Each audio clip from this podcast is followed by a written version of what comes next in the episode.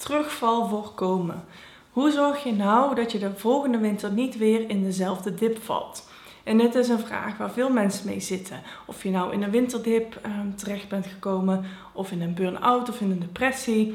Als je aan het uh, weer eruit opkrabbelt, dan is het fijn om te weten dat je het niet nog een keer meemaakt. Maar dat kan geen enkel plan of geen enkele cursus garanderen, helaas. Wat ik wel denk is als je je aandacht en tijd hebt gegeven aan goed voor jezelf zorgen op mentaal en fysiek gebied en je hebt wat geleerd van deze cursus, dan ben je verder dan eerst. Je hebt meer geleerd en je bent meer gegroeid en je bent verder dan je eerst was.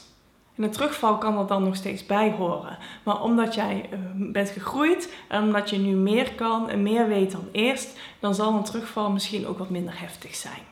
Om een winterdip de volgende keer te kunnen voorkomen, zijn er een aantal dingen nodig. Je moet je bewust zijn van wat er aan de hand is. Je moet weten wat je nodig hebt. En het beste is ook als je signalen bij jezelf herkent dat het even niet zo goed gaat of dat, uh, of dat je het zwaar hebt.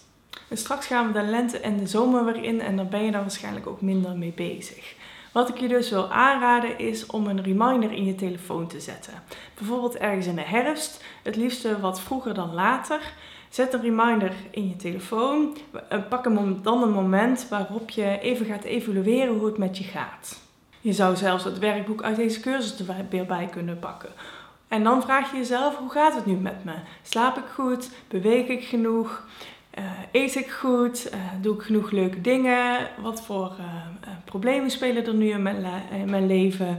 Waar moet ik aandacht aan besteden? En heb ik iets nodig om de volgende winter goed door te komen? Dus door een evaluatiemoment in te plannen en die reminder in je telefoon te zetten, dan zorg je er gewoon voor dat je er op tijd bij bent. Je gaat je er al bewust van worden en je denkt al na over wat je nodig hebt voordat het echt erg wordt, mocht het zo erg worden. Want het is makkelijker om uh, op tijd in te grijpen dan dat het is om echt uit een heftige dip te komen. Dus dat is mijn opdracht. Zet nu een reminder in je telefoon voor ergens in de aankomende herfst. En wanneer dat moment is, dat uh, kan je het beste zelf bepalen.